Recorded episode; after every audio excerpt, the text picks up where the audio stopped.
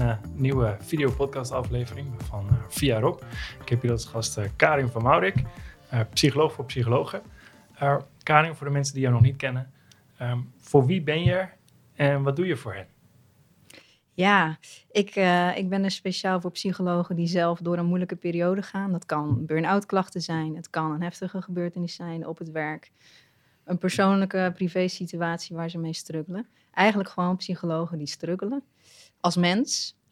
En ehm, ik ben er voor hen omdat um, nou ja, het, heel, het onderwerp is wat heel dicht bij mij ligt. Ik heb zelf, dus denk ik ruim twee jaar geleden, heb ik zelf flink gestruggeld als psycholoog. Uh, in de zin van dat ik uitgevallen ben op het werk. Ik vond, en, en dat aan zich is niet zo erg. Um, maar wat mij opviel toen was dat ik voornamelijk struggelde met het feit, maar hé, hey, ik ben toch psycholoog. En als psycholoog zou je toch als een van de beste moeten weten hoe je kunt voorkomen dat het slecht gaat met jezelf. Dus hoe kan dit nu? En, en ik, ik, ik, het, ik heb me daar een poosje echt wel de falende psycholoog doorgevoeld. En um, dat gegeven en dat zelf ervaren hebben, dacht ik, daar wil ik iets mee. Want ik ben daar niet de enige in. En, maar ik voelde me daar wel heel erg de enige in. En ik vind het heel belangrijk om, um, nou ja, wat ik zeg, het ligt bij mij en ik vind het interessant om te doen. En ik word er heel enthousiast van, maar dus om psychologen die struggelen, om hen een veilige haven te geven. En um, die wil ik voor hen creëren. Dus eigenlijk ook iemand zijn uh, die je zelf ook had kunnen gebruiken. Ja, en weet je wat is? Want je zou ook kunnen zeggen, ja, maar als psycholoog heb je dus alleen maar psychologen om je heen. Want al je collega's zijn psychologen. Of misschien wel psychiater. Of nou ja, hè? in ieder geval zorgverleners. Je kunt toch bij hen terecht? Um, ja, dat kan. Zeker als je een mooi, veilig team hebt, zou het heel fijn zijn als je bij je collega's terecht kan. En toch, weet je, je wil ook niet je collega's tot last zijn. Ze hebben het al druk.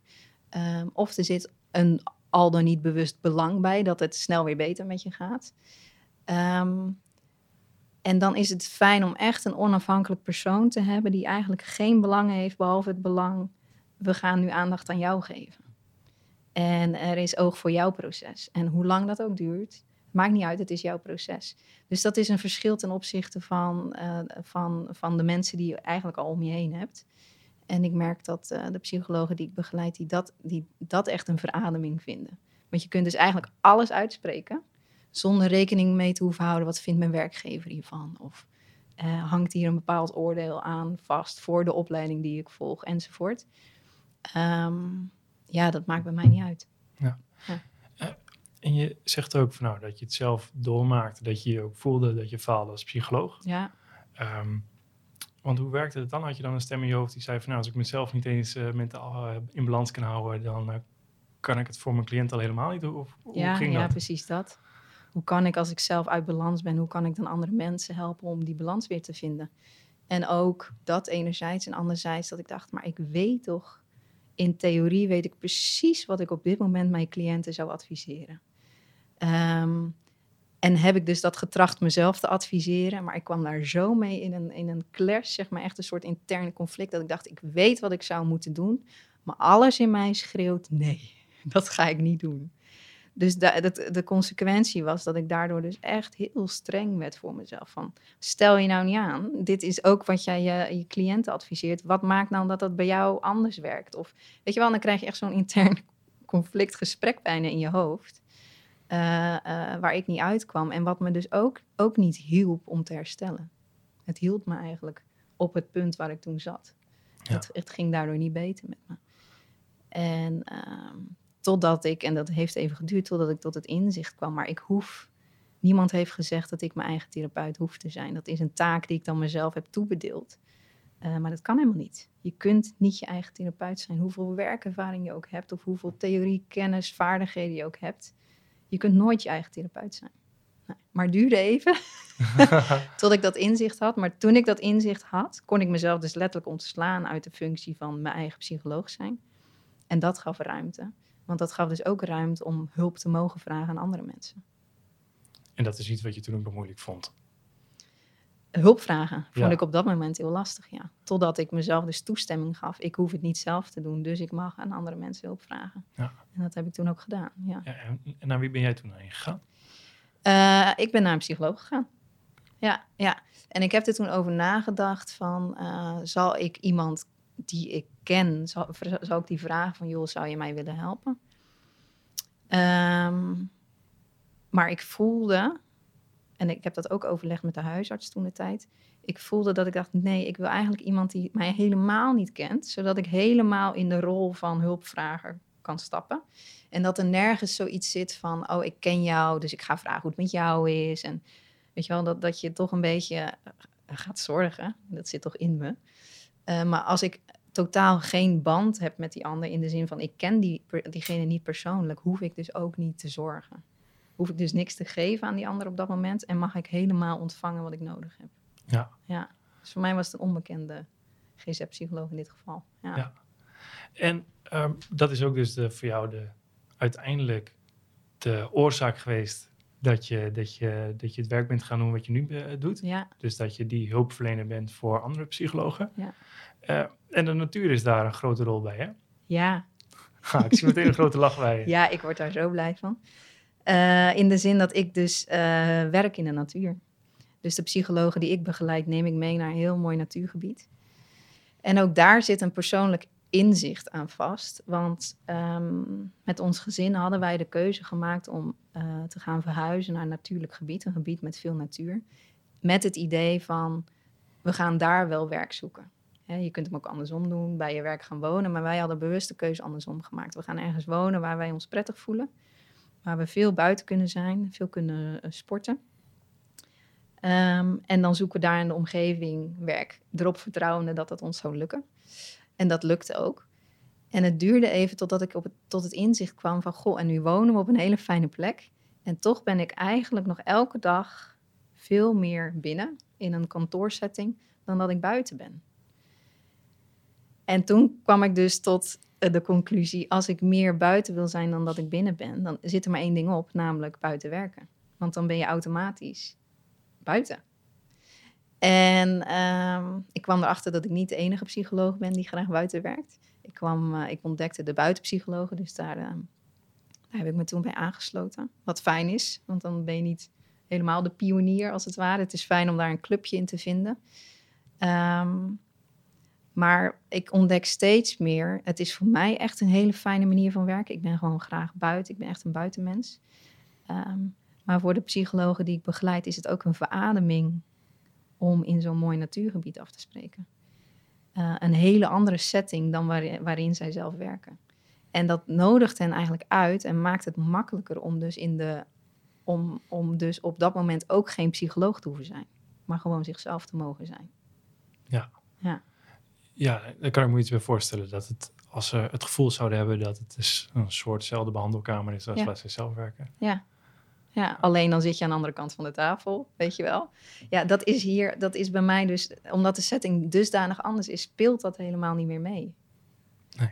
Let, en en hè, we, we zijn in de natuur en nou ja, we doen veel al wandelend. Dus dan heb je ook niet de klassieke setting van tegenover elkaar zitten je bent gewoon buiten samen aan het wandelen. Je loopt naast elkaar. We zitten eens op een bankje. We kijken naar, we kijken naar mooie dingen. Ja. ja. En je hebt ook al verteld dat je dan ook wel echt wel inspiratie haalt uit de natuur. Uit iets wat voor je ligt. Iets wat gebeurt. Een vogeltje. En, ja.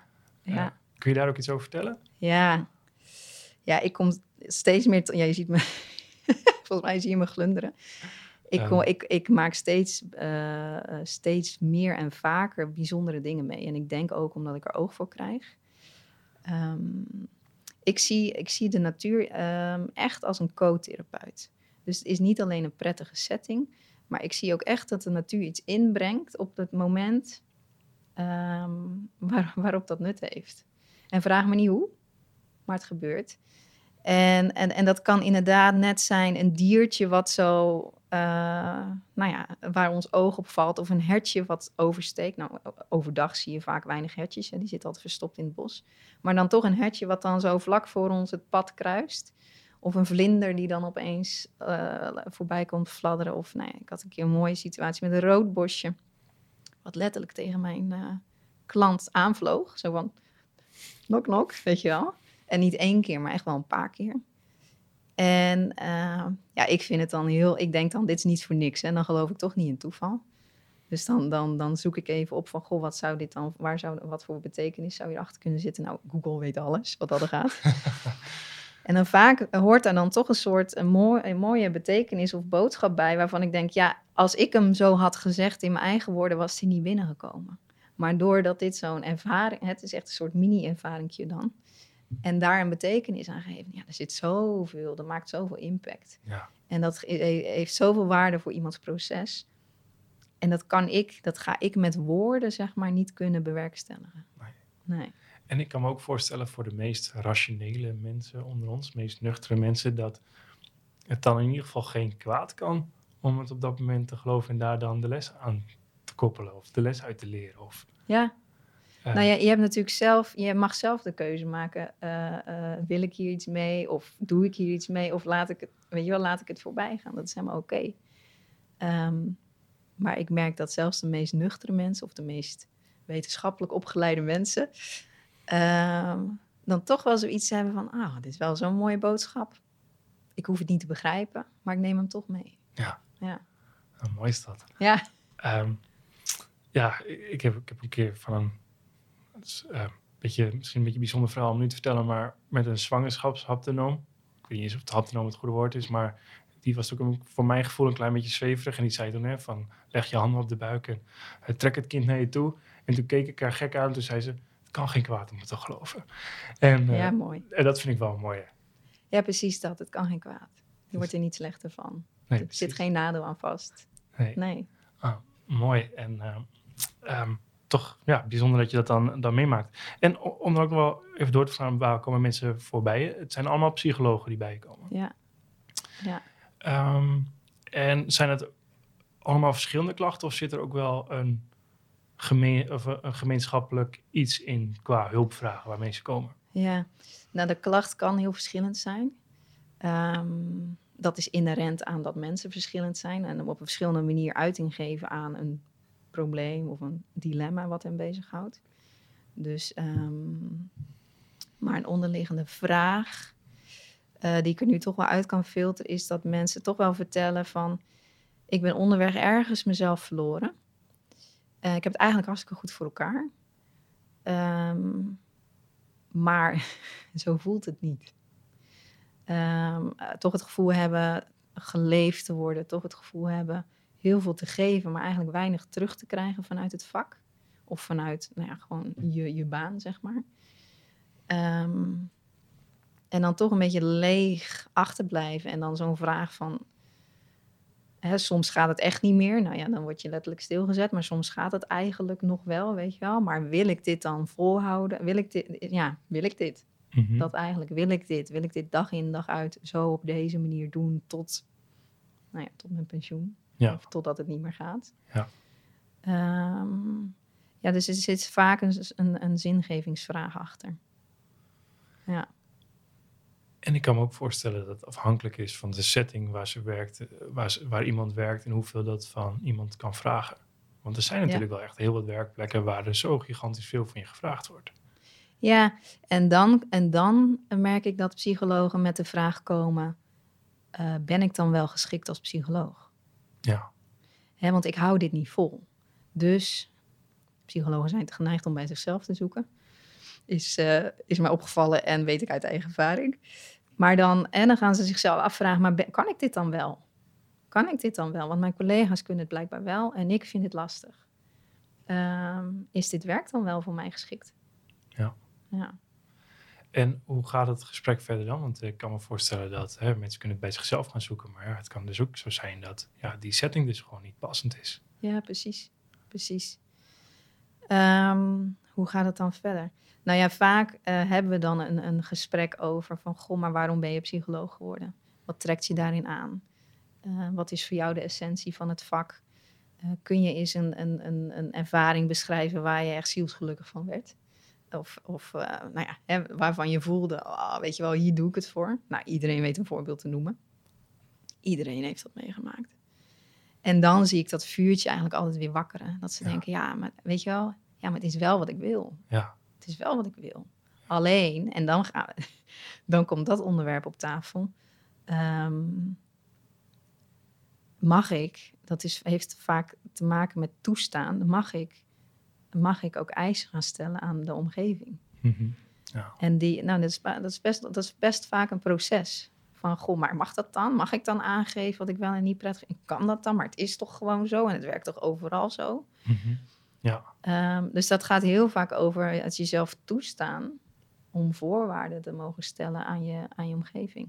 En vaak waar ze op vastlopen is dat ze wel voorwaarden stellen, maar voornamelijk aan zichzelf. Ik moet dit beter kunnen, ik moet dit, weet je wel, ik moet dit wel vol kunnen houden. Heel veel moedjes. Ja. En naar van, hé, hey, maar je mag ook voorwaarden stellen aan de omgeving.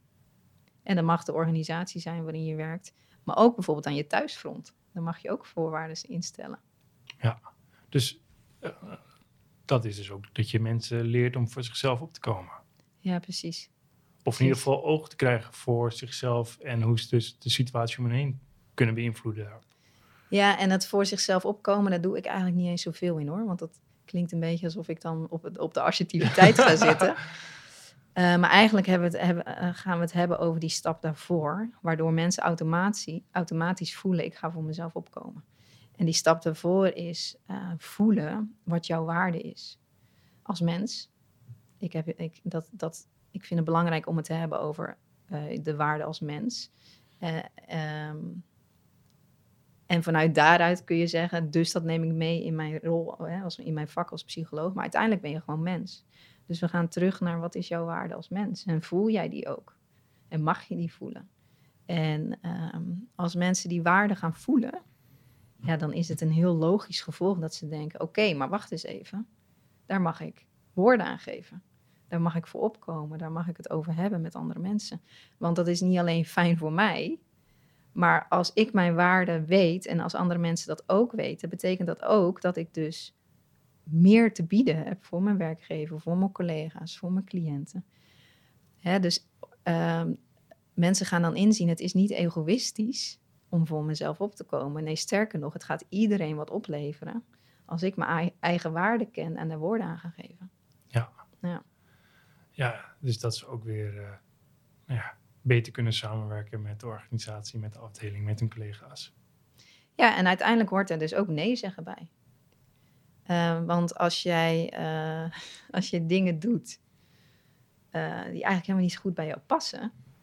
Nou, één, dat kost energie. En twee, dat betekent dat je dus minder ruimte hebt. Gewoon praktisch in je hoofd, maar ook praktisch qua tijd. En, en, en ehm, minder ruimte hebt om echt je waarde te leveren. Ja. Ja, zonde. Zonde voor iedereen. Ja. Ja. Ja, mooi is dat, hè? Want dat is eigenlijk hetzelfde wat ik ook wel eens gedacht heb als je als psycholoog uh, cliënten, patiënten behandelt en beter helpt functioneren. Het is natuurlijk niet alleen voor die cliënt fijn, maar dat is natuurlijk ook voor het gezin, het systeem eromheen fijn en voor de werkgever fijn en uiteindelijk voor iedereen fijn als mensen goed in hun vel zitten. Precies. Um, dus je zou zeggen dat is toch, uh, dat is een hele logische gedachte. Ja. ja, dat is ook. Maar waar het over gaat is dus dat, uh, en dat is vaak een, uh, nou best wel even een, een, een knop omzetten. Um, zeker voor psychologen die, ik generaliseer, maar over het algemeen gevers zijn. Oké, maar ik mag dus ook, um, ik heb heel veel waarde te geven, maar daar staat ook tegenover dat ik dingen mag ontvangen. Ik mag ontvangen van een werkgever, ik mag vragen om op bepaalde fronten gefaciliteerd te worden. Uh, dus het hoeft geen eenrichtingsverkeer te zijn. Nee.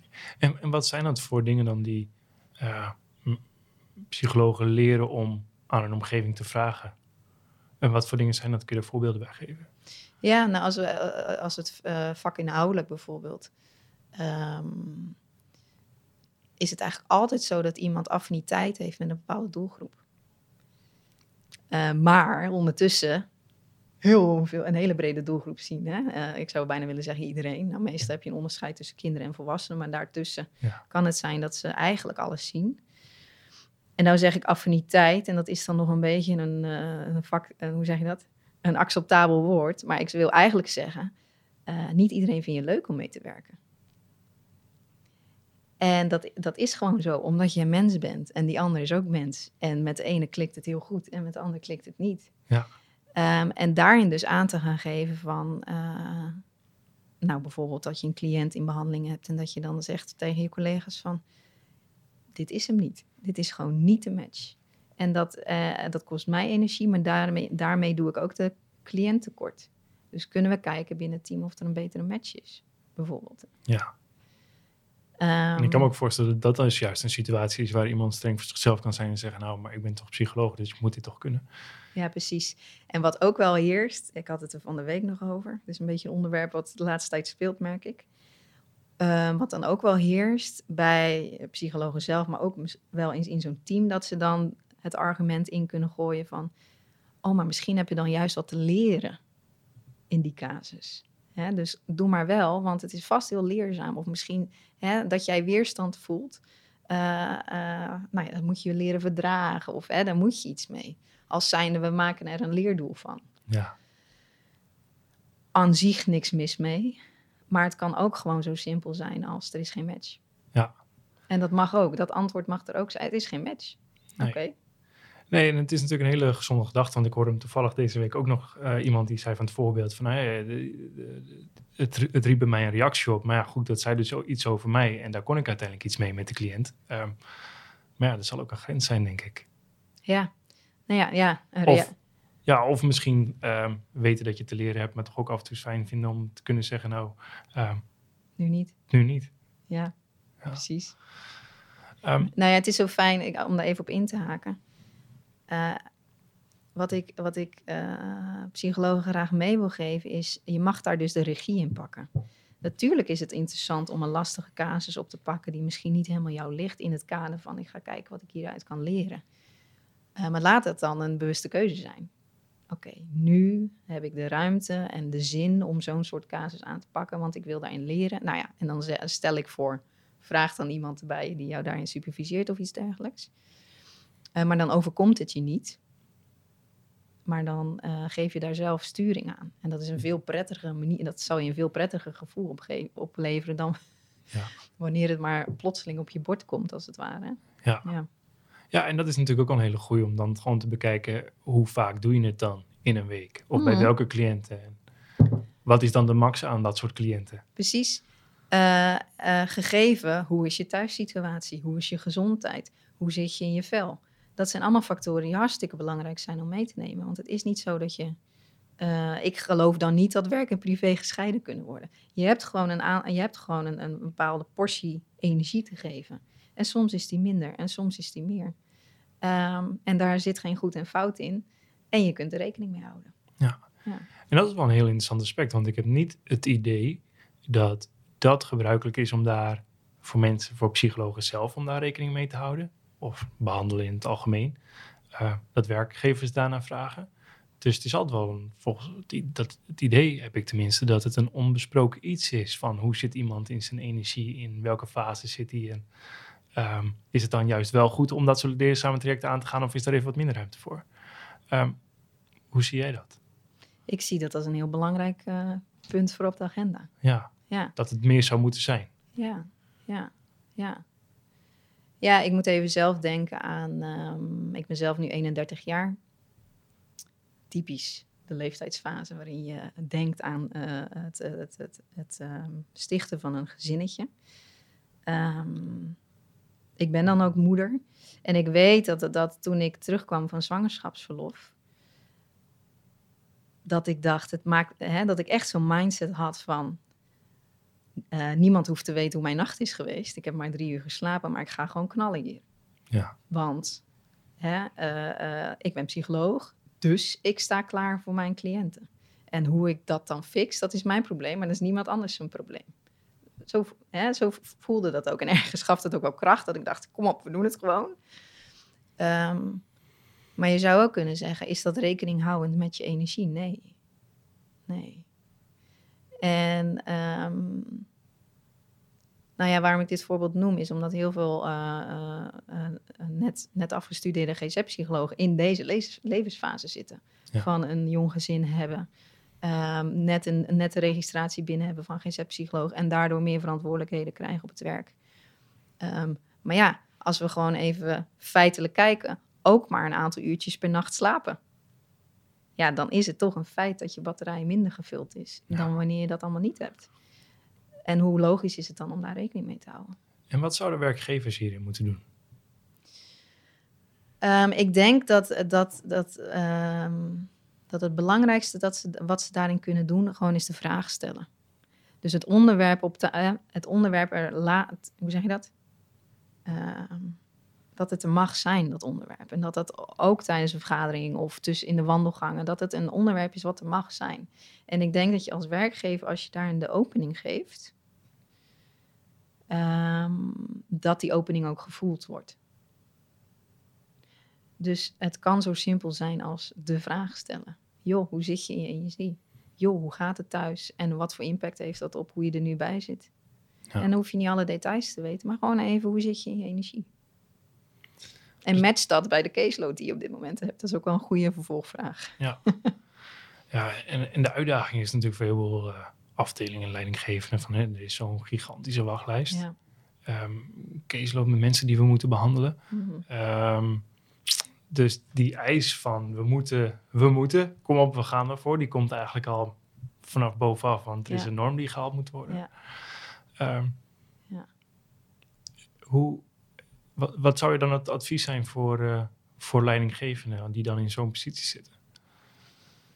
Heb vertrouwen in je medewerkers. Um, psychologen zijn nooit zonder reden psycholoog geworden. Elke psycholoog die ik spreek, die heeft zo'n gegronde, mooie reden om psycholoog te zijn. Dat komt gewoon uit elke vezel van een lichaam. Voelen ze, dit staat mij te doen. Dus dat, dat gaat verder dan de rol psycholoog vervullen of, of het beroep psycholoog. Um, um, elke psycholoog weet heel goed waarom ze psycholoog zijn. En heb het, heb het vertrouwen in, in die psychologen. En um, weet je, er is een wachtlijst. En die wachtlijst is lang. En sommige mensen staan veel te lang op die wachtlijst. Um, maar als je het vertrouwen hebt in de psychologen, hen de ruimte geeft om aan te geven hoe ze zitten met hun energie bijvoorbeeld, um, gaan zij echt waarde leveren. Want dat doen psychologen. Het zijn echte gevers. Doen ze. Ze gaan niet de kantjes ervan aflopen. Moet je voorstellen dat elke persoon die op de wachtlijst staat, um, gewoon waarde krijgt. Wat voor lange termijn effect dat heeft. En want uiteindelijk staan er ook heel veel mensen op een wachtlijst, niet voor de eerste keer. Hè, uh, je ziet toch dat vaak mensen toch wel om zoveel jaar toch weer terugkomen of iets dergelijks. Maar wat nou als, als ze dan aan de beurt zijn voor de behandeling, als ze dan echt van mens tot mens met de juiste psycholoog, dus met de juiste match, aan de slag gaan met hun probleem? Zie het dan in het grotere perspectief wat voor betekenis dat heeft voor iemands leven. En dan is de betekenis van de juiste match hebben met de juiste psycholoog enorm. En dat, en dat nou ja, als je daar de cijfers naast legt, dan ga je daar ook cijfermatig alle voordelen uit halen.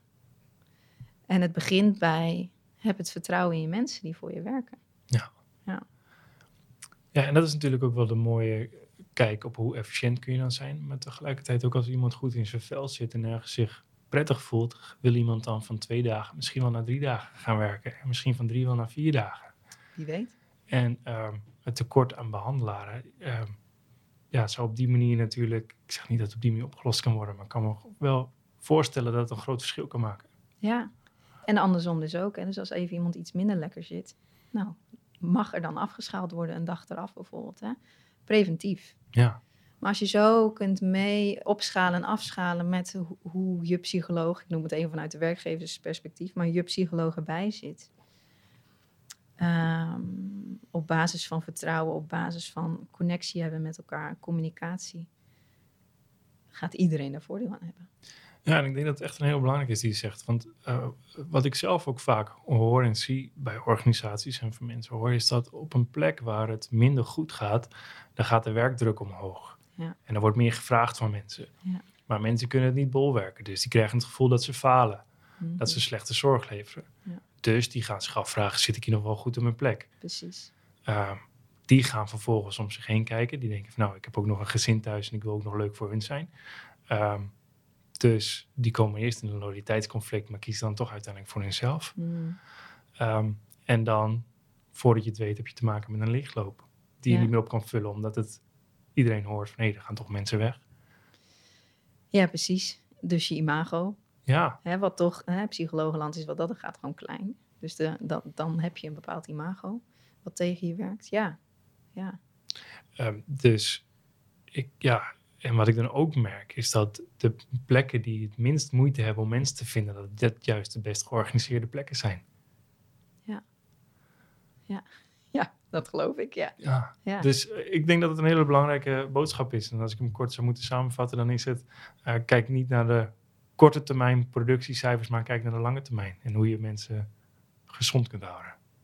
Ja, precies. Je medewerkers, maar dus ook uh, de, ja, ik denk, lange termijn wat de kwaliteit van jouw zorg toevoegt aan, de, aan het leven van de cliënten die je behandelt. Ja. Ja. ja. ja en wat je natuurlijk zelf ook zei, dat het ook op die manier uh, uh, mensen, dat, dat de cliënten misschien ook efficiënter behandeld zouden kunnen worden, omdat iemand beter in zijn vel zit en daardoor dus niet weer of minder snel weer op de wachtlijst terechtkomt. Ja, ik denk het wel.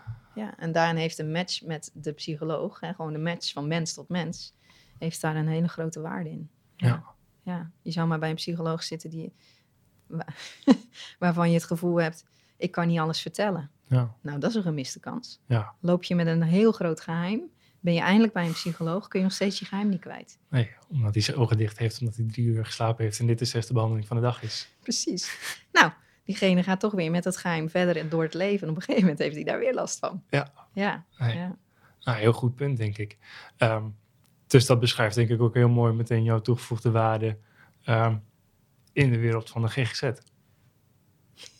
Ja, ik hoop het. Ja. um, en zijn het dan vooral de, de, psychologen die rechtstreeks bij je komen of um, heb je ook contact met werkgevers hierover? Nee, psychologen vinden mij rechtstreeks. Vaak via LinkedIn trouwens. Of, en dat hoor ik steeds meer, via collega's. Joh, heb jij wel eens gehoord van Karin? Misschien uh, spreekt dat je aan. Mm -hmm. Ik heb, um, nee, ik heb tot nu toe geen directe contacten met werkgevers. Nee, nee. Sterker nog, um, het is wel, het komt ook wel eens voor dat een psycholoog zegt: Ik wil graag bij Karin, uh, door Karin begeleid worden. En um, dat ze dus, dus moeten gaan vragen aan de werkgever: mag dat? Omdat de werkgever nou, in die zin een soort samenwerkingsverband heeft of iets dergelijks. Dus dat vraagt, uh, soms vraagt het al, zeg maar, voor de eerste keer dat de psycholoog voor zichzelf opkomt. Ja. Ja. Ja, en wat, wat merk je dan? Krijgen die mensen uiteindelijk dan toestemming om met jou verder te mogen? Of moeten ze dan toch met dat bedrijf waar het de organisatie nee. een contract mee heeft afgesloten? Vaak krijgen ze wel toestemming. Oh, gelukkig. Ja, en daar doet de bedrijfsarts dan iets in. Oké. Okay. Ja. Dat dus... zegt wel al iets, want de bedrijfsarts, dat is al best wel ver in het proces. Ja, precies. Ja, dan ben je al, als je uit, dan ben je sowieso uitgevallen op je werk en dan zes weken verder, hè? Ja. Zo'n beetje. Um, ja, precies. Maar dan krijg ik een belletje van de bedrijfsarts. Hé, wat doe je eigenlijk? En ik wil even checken of dit wel uh, kwalitatief goed genoeg is, zeg maar. Hè? Ja. Want je doet toch iets anders dan anders. En we zijn gewend om mensen door te sturen naar die en die organisatie. Dus ik wil even peilen. En wat, wat, wat bedrijfsartsen dan doen, is een advies uitbrengen aan de werkgever. En dan is het aan de werkgever of ze daarmee meegaan. Ja, precies. Ja. En hoe reageren bedrijfsartsen op je? Als ze me aan de lijn hebben, positief. Oké, okay. maar ja. je zegt als ze je aan de lijn hebben, um, betekent dat dat er, heb je ergens het gevoel dat het ergens anders in een ander stadium nog niet zo is? Nou ja, dan hebben we het over gevoel. Hè? Dat is een beetje speculatie. Maar ik kan me voorstellen als een psycholoog zegt: joh, ik wil naar Karin en zij werkt buiten in de natuur. Dat een bedrijfsarts denkt: huh? Ja. Oké, okay, even checken of dit niet een soort van zweverig of uh, alternatief is. Of weet je wel? Ja. Dat kan ik me voorstellen. Ja, ik kan me ook voorstellen natuurlijk als, als je LinkedIn open die door de tijdlijn gaat. Er zijn natuurlijk zoveel coaches. En, ja. uh, dus goed dat ze dat ook wel toetsen, denk ik. Ja, zeker. zeker. En uh, fijn, want dan hebben we gelijk een keer contact gehad. Ja. ja. Nee, natuurlijk. Dat is hartstikke. Dat, is, dat kan ik me goed voorstellen. Um, als je um, dit ziet naar de toekomst. De, wat zijn je, zijn je plannen dan? Want je bent natuurlijk ook dit als eigen ondernemer begonnen. Ja. Um, is het iets wat je zegt, nou, voor nu doe ik dit gewoon voor de komende jaren? Of staat er ook is er ook een grote plan? Er is zeker een grote plan. En het plan verandert. Met de maand misschien wel. En dat vind ik zo leuk aan het plan. Dat mag ook veranderen. Um, Maar wat ik merk is dat. Ehm, ehm, ik merk dat steeds meer psychologen mij weten te vinden. Ik merk uh, dat er behoefte is om bezig te zijn als psycholoog met jezelf als mens achter je rol als psycholoog. Ik merk dat uh, er een groeiende behoefte is aan, of misschien behoefte, misschien bewustwording aan, um, aan, aan, hoe zeg je dat? Informatie of, of kennis over hoe ga ik dit volhouden. Dus eigenlijk het psychologen welzijn. En um, ik merk ook dat er een, gelukkig een tendens is ingezet van, goh, het gaat niet alleen maar over meer kennis vergaren en meer vaardigheden en meer opleidingen en registraties enzovoort. Het gaat ook over de essentie van ons vak, verbinding maken van mens tot mens. En hoe doe je dat eigenlijk? En, en daar, daar, nou ja, ik voel zo door alles wat ik opvang dat, daar, dat er groeiende behoefte aan is, dat er ook groeiende bewustzijn over is. En dat is precies waar ik heel blij van word om mee bezig te zijn. dus als psycholoog uit je hoofd komen ehm, en gaan werken vanuit je hart. En ehm, kun je daar dan een, van een voorbeeld aan geven van nou, hoe mensen dan eerst toch wel veel geneigd zijn met hun hoofd te werken en wat dan het verschil is als je meer vanuit je gevoel, vanuit je hart gaat werken? Nou, het grootste verschil voor die psycholoog is dat het heel veel energie scheelt. ja. Ehm, hoe zou ik dat uitleggen? Heb ik een voorbeeld? Ehm, nou ja, wat misschien een heel een mooi voorbeeld is. Wij, wij, uh, wij draaien jaargroepen voor masterpsychologen. Dus psychologen die net uit de schoolbanken komen en hun eerste baan aangaan. Ehm, vaak onzeker. Oké, nu heb ik die, die vijf à zes jaar kennis uh, heb ik in me zitten. En nu mag ik dat eens gaan vertalen naar de praktijk. Maar hoe doe ik dat eigenlijk? Dus ik merk dat zij heel erg vanuit hun hoofd werken. Ehm, en als je hen gaat leren, dat doen we in de jaargroep, hen gaat leren van, goh, prachtig welke kennis en vaardigheden je hebt. Maar als je eens gaat kijken naar wat je van jezelf van nature met je geboorte al mee hebt gekregen, omdat je gewoon bent wie je bent, en dat in gaat zetten in je spreekkamer, hoe zou dat voor je zijn? En dan, ja, ik word er heel blij van, maar dan zie je echt oogjes oplichten. En dan zie je ook het besef in dalen. Oké, ik ga, ik hoef niet mijn zekerheid te halen uit nog meer kennis en vaardigheden. Maar ik mag de zekerheid halen uit mezelf, omdat ik weet wie ik ben. En weet wat ik te bieden heb en wat voor waarde ik heb. En dat noem ik met werken vanuit je hart. Dat is heel dicht bij jezelf. Gewoon, gewoon omdat jij bent wie je bent. Ja. En vanuit daaruit, um, en dat, hè, als we het over toekomstvisie hebben, dat zou ik elke psycholoog gunnen vanuit daaruit kun je hele gerichte keuzes maken.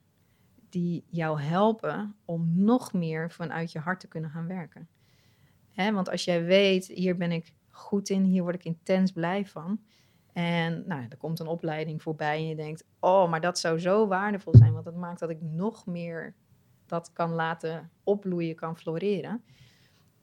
Uh, ga dat dan alsjeblieft doen. Maar dan zijn andere keuzes dan uh, een beetje zeg maar het gebaande pad. Oh ja, iedereen moet tegenwoordig EMDR kunnen. Iedereen wil schematherapie in, het, in de pocket hebben.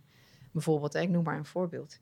Dat kan, maar het wil niet zeggen dat dat een, een techniek is of een opleiding is dat jou uh, laat opbloeien. Zijn er dan ook psychologen die op zoek zijn naar een soort van in het Engels noemen ze dan een golden bullet. De, de, de, gouden kogel waarmee je dus in één keer alles... Uh, waardoor je in één keer een veel betere therapeut wordt. Ja. Terwijl je eigenlijk zegt als mensen beseffen dat ze gewoon zichzelf mogen zijn. Ja. Dat dat... Dat is de golden bullet. Dat dat eigenlijk de golden bullet is. ja. Ja. En, en dan... Um, als je dan dus een bepaalde opleiding gaat volgen omdat je voelt, dit gaat me iets opleveren, omdat ik dan nog meer uh, mezelf kan zijn, als het ware. Ja, dan voed je die golden bullet. Als het, ja, snap je wat ik bedoel? Ja, ik snap wat je bedoelt. Maar betekent dat dan ook dat mensen, uh, behandelaren, het idee hebben dat ze soms een, een, rol moeten vervullen? Nou, ik denk wel, ja, is dat een antwoord op je vraag? Ik denk wel dat mensen het idee hebben, ik moet deze opleiding op mijn cv hebben staan en deze registratie hebben om mee te kunnen doen, als het ware. Dat hoort bij mijn rol als psycholoog. Je bent een goede psycholoog als je die registratie hebt, die opleiding enzovoort, weet je wel. Ik denk wel dat dat leeft, ja. Uh, en ik, ik pleit ervoor om dat helemaal los te trekken van elkaar. Je bent een goede psycholoog. Um, als je helemaal jezelf kunt zijn. En jezelf kunt geven of meenemen in je werk als psycholoog. En vanuit daaruit je keuzes gaat maken. Betekent dus ook dat iedereen een ander pad gaat bewandelen. En daar zeg je wat natuurlijk, want daar, zullen wel, uh, daar zal wel wat wrijving geven dat nou ja, soms nu uh, het verschilt. Uh, mensen of behandelaren hebben er allemaal, of, er zijn verschillende meningen. Maar hè, als iedereen wat anders gaat doen, zijn we dan wel evidence-based bezig. En gaan we dan niet te veel experimenten krijgen waar mensen doen wat hun goed doet en dat het misschien helemaal geen effect heeft. Um, maar dit is even hoe ik nu die mensen op. Uh, ja, die snap ik. Die snap ik. En dat is, dat is gedacht vanuit angst. Ik denk alleen als ik jou hoor zeggen experimenten, denk ik, kom maar op. Want ja, zonder experimenten ga je ook geen nieuwe ontwikkelingen krijgen waarvan we, waarvan we over een paar jaar denken, wow, dat we dat tien jaar geleden nog niet wisten. Dus dan, eh, dan grijp ik toch weer even terug op het vertrouwen. Als psychologen werken vanuit hun eigen kern, dan mag je erop vertrouwen dat ze, dat ze goede dingen gaan doen. En uh, goede dingen gaan experimenteren, zoals je het dan even noemt. en donders goed weten wanneer ze moeten stoppen. Als dat schade berokkent, ja dan niet. Dat weet, dat, weet je wel, dat moraal van, van, of dat ethische gevoel van psycholoog is echt heel hoog. Mhm. Echt heel hoog. En ehm, ehm, iedereen wil het zo goed mogelijk doen voor de ander. Ja. Dus je gaat niet iets uitproberen als je gevoel daar niet goed mee is. Geloof ik dan, hè? Ja, ja precies. Want dat, dat, wat je dan zegt, dan moet je wel echt uh, de mensen daarop, de behandelaar daarop vertrouwen. Ja. Dat ze goede dingen doen. En er zal misschien ooit eens een rotte appel tussen zitten, ja. Ja. ja. En, dat is het risico. En dat natuurlijk ook nog in een wereld met een verzekeraar die eigenlijk alles hard en bewezen en... Uh, het zo tastbaar mogelijk wil maken. Ja, en dat is, ja, dat is een uitdaging. En aan de andere kant zijn er, er zijn ook zoveel wel evidence-based technieken waaruit je kunt kiezen. Dus het is niet zo dat als je niet voor cognitieve gedragstherapie kiest, dat je dan voor, gelijk fout kiest als het ware. Nee, er zijn heel veel prachtige technieken die evidence-based zijn. Uh, wil niet zeggen dat je ze allemaal onder de knie hoeft te hebben. Maar je mag, hè, daar sta ik voor, kies dan de techniek waarvan jij je gevoel hebt. Maar dit gaat echt een aanvulling zijn voor, voor mijn eigen instrument. Ja, nou, en voor de een is dat cognitieve gedragstherapie, voor de ander is dat ACT, voor de ander is dat EMDR. Dat maakt niet uit. Nee. Nee. nee, precies. Dus dat is ook wel een, een, een balans daarin natuurlijk in wat mensen dan, of wat behandelaar dan goed dunkt om te gaan doen. Ja. Ja. ja. ja. Um, dus dat lijkt me in ieder geval mooi. Um, en um, ik schoot me net nog een vraag, maar die zal me straks alweer uh, te, te binnen mm -hmm. schieten. Van wie heb je zelf veel geleerd? Oh, wat een mooie vraag. Ja, meerdere mensen. Eén iemand heb ik nog contact mee op een hele bijzondere manier.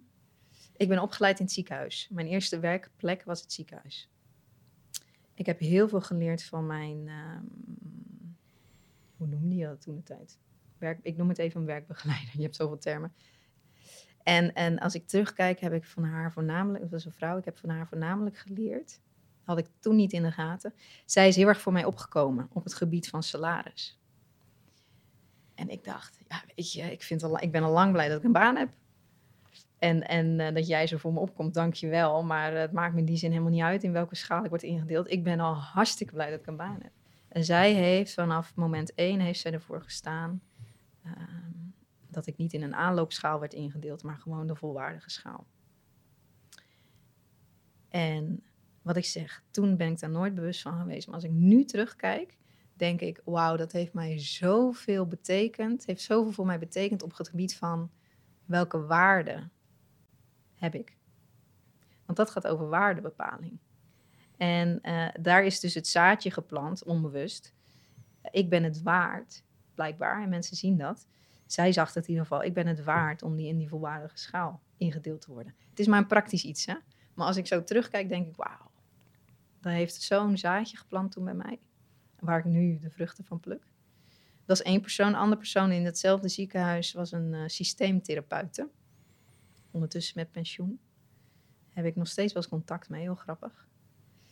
Ehm, en wat ik van haar heel erg geleerd heb, is je eigen ding dus doen. Zij was de enige systeemtherapeut volgens mij in het ziekenhuis een beetje. In ieder geval op onze afdeling. En zij kwam altijd met andere nieuwe informatie, een ander perspectief. Waarvan iedereen, tenminste dat kwam bij mij binnen. Ik keek echt naar haar en denk, wauw, wauw. Zonder deze informatie was het niet volledig geweest. Altijd heel waardevol. En ook altijd werkvormen waarvan ik dacht, doe jij dat gewoon? Doe jij dat gewoon? Kun je daar voorbeelden benoemen dat je, dat, je, dat je echt ondersteboven was van, doe je dat gewoon? Nou, zij was heel direct, zij zei alles. Hè, dus een systeem, dus dan werk je met een gezin. Zij kon gewoon gerust zeggen tegen ouders, uh, zolang jullie dit blijven doen, ik noem maar iets, hè, blijft uw dochter opgenomen hier, want dan blijft het slecht gaan. Je moet iets in veranderen. Nou ja, ik zou dat nooit zeggen. Ik zou dat nooit gezegd hebben, zeker niet op die leeftijd. Maar zij kon echt gewoon de, de vinger op de zere plek leggen. En, maar ook in een team. Ik bedoel, systeemtherapeut, als je dan in een team werkt, zit je natuurlijk ook in een systeem. Zij kon ook gewoon zij kon ook met de vuist op tafel slaan en zeggen: jongens, en zeggen bullshit. Of zoiets. Hè? En dat ik dacht, gebruik je dat woord? met allemaal psychiaters hier aan tafel, weet je wel. Zij was niet bang. Zij, zij ging het conflict niet uit de weg. En het punt was, ze had dus nooit, ze had nooit een conflict. Ze had nooit een conflict. Ze was daar niet bang voor. En komt het dan ook omdat zij het eigenlijk dan gewoon op tafel legde en dat het daardoor bespreekbaar was? Ik denk het wel. En gewoon zoals ze was. Weet je wel? Uh, what you see is what you get. Gewoon, dit is het. Dit vind ik. Dit denk ik erover. Dit heb ik gezien. Op het thee. Ja. Dus dat is in ieder geval iemand waar je dan nog wel eens aan denkt. Ja, ja, ja. En gebruik je dat zelf ook wel eens? Dat je dan denkt van, nou, hier, moet ik even aan haar denken en het gewoon op tafel leggen? Oh, dat is een mooie vraag. Dat is een mooie vraag. Ja, ik denk het wel. Uh, nou, ik werk dus niet in een team, dus dat hoef ik niet te doen. Ik heb geen collega's, alleen mezelf.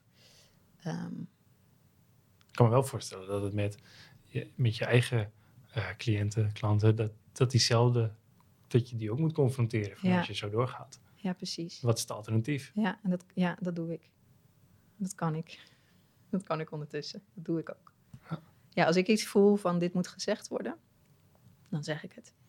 Op een empathische manier. In mijn hoofd is het dan altijd, ik denk, oh, wat ik nu ga zeggen is wel heftig, maar ik ga het toch zeggen. En hij landt dan eigenlijk altijd vrij zacht. Um, ik heb daar nooit zo over nagedacht, maar het kan best zijn dat zij daar voor mij een inspiratiebron in is geweest. Of dat ik het in door haar het te hebben zien doen, nu ook zelf kan. Dat zou zomaar kunnen. Ja. Oh, mooi. En anders in ieder geval nu weer een mooie les om af en toe aan terug te denken. Ja, precies. misschien ook leuk voor de kijkers en luisteraars om ja. diezelfde vraag van hunzelf nu uh, te beantwoorden. Ja, zeker. Mooie vraag. Of na de uitzending. Mm uh, als het gaat om, uh, om mentale balans, wat zijn slechte adviezen die je wel eens hoort? Slechte adviezen die ik wel eens hoor? Poeh, stel je me een vraag. Mentale balans voor psychologen bedoel je? Ja. Of het mag ook iets zijn waar je zegt, nou, dat is een heel goed advies. Nou ja, daar hebben we het net al een beetje over gehad. Maar de vraag, of eigenlijk het argument... Uh, als je... Hè, uh, weerstand betekent. Dat betekent dat je er iets van kan leren, bijvoorbeeld. Ik vind dat wel een. een dat kan echt wel een. een, eh, een, een, schadelijk argument zijn om erin te gooien. Ja, als, als je op het verkeerde, wat we eigenlijk zeiden in het gesprek, als je op het verkeerde moment komt, dan kan het schadelijk zijn. Ja, ja, ja. Ja. Ja, als er te lang wordt vastgehouden aan oh ja, maar dit zal vast wel heel leerzaam voor je kunnen zijn. Of juist dat je hier moeite mee hebt, betekent dat je hier iets in te leren hebt. Als dat te lang wordt volgehouden door de omgeving als het ware, uh, vind ik dat een, uh, een verkeerd advies, ja. zou je kunnen zeggen. In ieder geval is het mooi dat we dat weer opnieuw benadrukt hebben. Ja, dat, dat ja precies. Dat, daar iets is, dat, het, dat dat iets is waarover nagedacht zou moeten worden. Ja, en je zou soms kunnen zeggen, maar dan begeef ik me een beetje op het terrein van de bedrijfsarts. Dus daar wil ik wat uh, voorzichtig in zijn. Um, hè, bijvoorbeeld het advies van over het, gemiddelde ga je na zoveel weken rust ga je weer aan het werk. Dus laten we dat ook maar proberen. Kijk, het is op zich natuurlijk fijn om een richtlijn te hebben wat gemiddeld zo is. Ehm, maar ik merk dat, dat sommige psychologen dan het idee hebben, dus dat moet ik doen. Dus die vertalen het naar een, niet naar een richtlijn, maar naar een uh, verplichting. Ja. En dan ben ik altijd wel degene die zegt, maar hoe voel jij je nu eigenlijk? Ben je er al aan, aan toe om terug te gaan naar je werk? Of ben je al aan toe om die, uh, die taken op je te nemen? Want jij weet als enige het antwoord. Dat weet de bedrijfsarts ook niet. Die zegt alleen maar, vanuit mijn ervaring kan ik je vertellen dat het ongeveer zo en zo gaat. Dus dan is het niet een verkeerd advies, maar wel hoe die vertaald wordt in het hoofd als dus dat staat mij ook te doen, of dat moet ik zo doen, of het hoort zo, zeg maar. Dat kan ook een uh, beperkende factor zijn. Ja. ja. dat is dus ook altijd wel mooi, hoe iets geïnterpreteerd wordt. Van, nou, dan word ik dus. Dus dat het ook af en toe goed is om dan je eigen gedachten weer uit te dagen. Ja, precies. Precies. dan komen we aan het begin dat je zei van, hè, dat je je eigen therapeut kan zijn, maar dat het toch ook niet goed kan werken. Dat het fijn is dat jij er dan bent om dat tegen te kunnen zeggen. Precies, precies. Want in een eigen hoofd, kijk, uh, dat kan ik me heel goed voorstellen. hey, de bedrijfsarts zegt dat niet voor niets. Wie ben jij dan om daar je vraagtekens bij te zetten? Nou ja, je kunt je voorstellen dat het wordt een hele interne discussie. Ja. ja. Nee, maar dat is in ieder geval goed om dat dan in ieder geval ook weer te bespreken. Ja, met iemand anders dan jezelf. Ja. Ja. Ehm, dat kan ik me goed voorstellen. En ehm, wat ik kan me ook voorstellen dat het voor organisaties toch ook wel interessant is om maar contact met je op te nemen, om te hebben over het welbevinden voor een. Uh, uh, ik denk dat ik het antwoord weet, maar zou je daar ook voor openstaan? Ik zou er voor openstaan. En er zit een uh, kleine maar bij. Um, wat mijn positie, is dat een positie? Nou ja, wat mij, wat mij zo sterk maakt, als ik het even zo mag zeggen, is dat ik geen belang heb. Dus organisaties, wees welkom om contact op te nemen, maar weet dus dat ik geen belang heb. En dat ik die positie bevecht. Um, uh, dus ik ben geen bemiddelaar, geen mediator. Ik ga er niet tussen staan. Um, ik heb mijn eigen positie, onafhankelijk.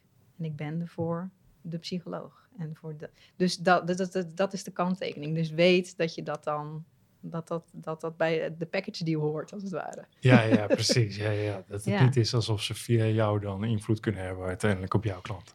Ja, precies. Of dat er toch onbewust een soort, al dan niet bewust, onbewust, een soort verwachting is.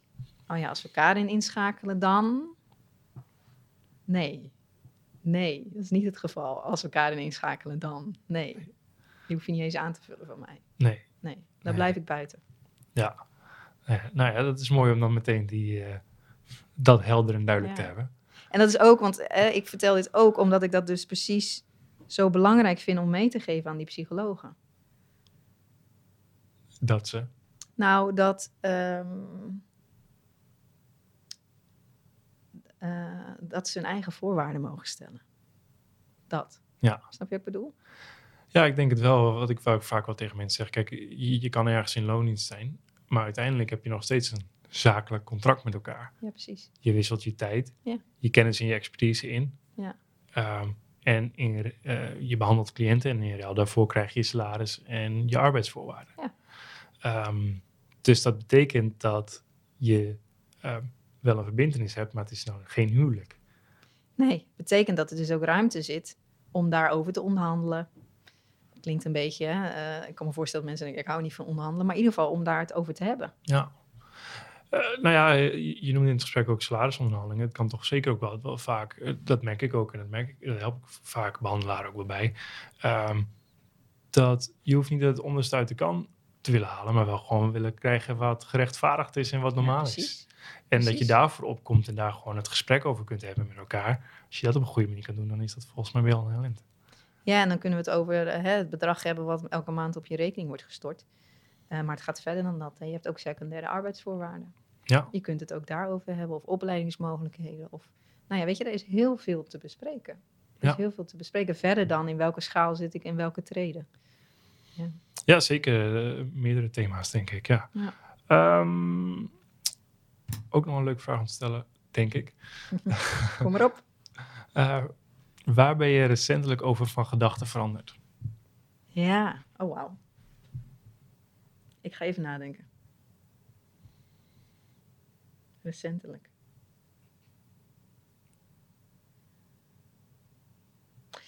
Ik denk, dat is wel een proces waar ik in zit, dus dat is recentelijk. Ehm, hoe zou ik het zeggen? Dat, ehm, dat we zweverigheid in ons vak mogen verwelkomen. het zal veel vragen oproepen, denk ik. Nee, wat ik daarmee bedoel is. Ehm, ik ben altijd een beetje bang geweest van nu kom ik zweverig over of wat ik doe is zweverig of mensen snappen dit niet of het is niet concreet genoeg of en ik, nou ja, net als wat ik in het begin vertelde over natuur en wat voor soms magische momenten daar kunnen plaatsvinden, dat ik denk, dat kunnen mensen bestempelen als zweverigheid. Ik zeg, dan denk ik, doe me daar maar heel veel van. Alsjeblieft. Alsjeblieft. Uh, ik hoef niet alles te kunnen verklaren. Soms is het leven gewoon zoals het leven gaat. En soms heb je een lot omdat dat je lot is. Moet ik dat allemaal kunnen analyseren en begrijpen en met mijn menselijke brein kunnen bevatten? Nee, dat hoeft niet. Dus dat is wel een, een, proces waar ik in zit van doe maar een portie zweverigheid in ons vak. Ja. En daar mogen we ook best voor gaan staan. Want we hebben het uiteindelijk over zingeving. Ja. En zingeving gaat over een menselijk aspect, maar gaat ook een, voor een groot deel over iets groters dan het menselijke aspect. Dat kunnen wij niet bevatten met ons brein. Maar het, het kan wel heel veel moois brengen. Dus kom erop. Ja, ja, precies. En het wel het mooie is dan dat je dus veel meer de blik richt op wat het je brengt. Ja. In plaats van, ja, maar ik begrijp het niet. Ehm, en dan laat je dat eigenlijk los. Nou, dat is wel een, ja, vind ik mooi wat je zegt. Ehm, ik, ik, heb, ik heb heel lang geleefd vanuit angst. Doen zoals het hoort. Doen wat men van mij verwacht. Doen wat men denkt dat ik goed kan. Ehm, ja, daar, doe ik, daar doe ik nu veel minder van. Ik zou niet zeggen dat ik dat helemaal... Hè, dat zit natuurlijk ook ingeprogrammeerd. Um, maar ik probeer steeds meer te doen waar ik blij van word. En dat is soms niet waar andere mensen blij van worden. Of dat is soms niet wat andere mensen begrijpen. Ja. Ja, maar dan is de vraag natuurlijk altijd weer, wie zijn die andere mensen? Ja, precies. Precies, en maakt het mij uit wat zij vinden. Ja. ja. Ja. Ja. Um, ja, en dat is ook wel mooi natuurlijk, want daarmee trek je ook de mensen aan die je weer het meest kunt helpen. Ja, precies. Precies. Precies ik merk dat. Uh, um, wat ik vaak zeg is: laat los hoe het hoort. Uh, dat is een soort een motto van mij. Ik merk dat mensen daarop aangaan. Van, hè, dat idee is wel fijn, want ik ben inderdaad veel bezig met hoe het hoort. En hè, die vertaal ik dan even met: daar zit een angst achter. Als ik niet doe hoe het hoort, dan, nou, vul maar in, word ik afgewezen of zoiets zit er vaak achter. En maar wat als je dat eens loslaat? En wat als je gaat doen wat bij past? En misschien is dat niet de mainstream of hoe het hoort. En wat hoort er dan eigenlijk? Hè? Daar kun je natuurlijk een heel filosofisch gesprek over voeren, wat heel interessant is. Maar hè, dat plaatje van hoe het hoort, wat veel mensen toch wel in hun hoofd hebben. Wat als dat losgelaten mag worden? Ja. En voor mij is daar in ieder geval heel veel, wat daarvoor in de plaats is gekomen, is lekker plezier maken, lol hebben. In ons vak ook. Hè? Ook bijvoorbeeld, dat is ook een onderwerp wat een beetje zo leeft zo de laatste tijd, merk ik. Van, we, hebben, we hebben het in ons vak over hele serieuze dingen. Ehm, en ik vind, daar sta ik echt voor, maar maak alsjeblieft een beetje lol. Ook met serieuze dingen kun je, uh, kun je nou, hoe zeg je dat? Kun je alsnog lol maken. Met, ook als je uh, tranen op je wangen hebt, kun je alsnog plezier hebben. Ja. ja. Mooi. Ik heb vaak als een van de afsluitende vragen. Heb ik eh, van nou, wat zou je willen zeggen als je honderd collega's voor je hebt en je staat op een podium? Het mag alles zijn. Uh, we hebben natuurlijk best wel veel gezegd wat je behandelaren mee zou willen geven. Ehm, maar als je dan een uh, één boodschap mag meegeven, wat gaat het dan zijn? Ga ontdekken wat jouw talent is, wat je echt uniek aan jou is. En ga dat inzetten in je vak. Ehm, ja, ik kan daar een half uur over praten, denk ik. Maar dus ga ontdekken wat echt heel dicht bij jou ligt als mens. Dus dat gaat verder dan psycholoog als mens. En ga dat inzetten in je vak. Want dan wordt het zo leuk. Dan wordt het vak zo leuk. En dan krijg je de energie van. Dan ontvang je de dingen uit. Dan ga je het volhouden. Ga je staan voor je waarden. Nou ja, waar we het allemaal over hebben gehad. Maar ga, ga, ga ontdekken wat er al in je zit. Wat je niet, waar je dus niet, daar hoef je niks meer in te leren, daar hoef je geen boek voor te lezen. Dat zit gewoon in je. Ga dat ontdekken en ga dat jezelf toestaan om dat te gebruiken in je vak als psycholoog. Ja, nou ja. En ga ervaren wat het je oplevert. En ik kun je, kan je voorspellen dat het je heel veel oplevert. Ik vind het echt een hele mooie boodschap. Ehm, je bent zelf ook uh, redelijk actief, dus mensen kunnen meer van je teruglezen. Ook ja, je, maakt zelf ook podcasts, dus die zijn ook allemaal uh, ja, te vinden. Uh, in ieder geval op je website findandfollow.nl. Ja. Um, je podcast is te vinden als psycholoog voor psychologen. Nee, de podcast heet De Podcast voor Psychologen. Oh, De Podcast voor Psychologen. Ja, ja. Um, en vergeet ik nog iets waar mensen contact met je kunnen zoeken, je kunnen volgen? LinkedIn. Als je, ik ben heel actief op LinkedIn, dus voel je vrij mij te volgen of uit te nodigen. Of nou ja, met me in gesprek te gaan, vind ik alleen maar leuk. Ja. Nou, ik, uh, ik vond het heel leuk om je als uh, gast te hebben. Bedankt voor het uh, mooie gesprek. Ja. Alle kijkers en luisteraars, bedankt voor het kijken en luisteren. en tot de volgende aflevering. Bedankt.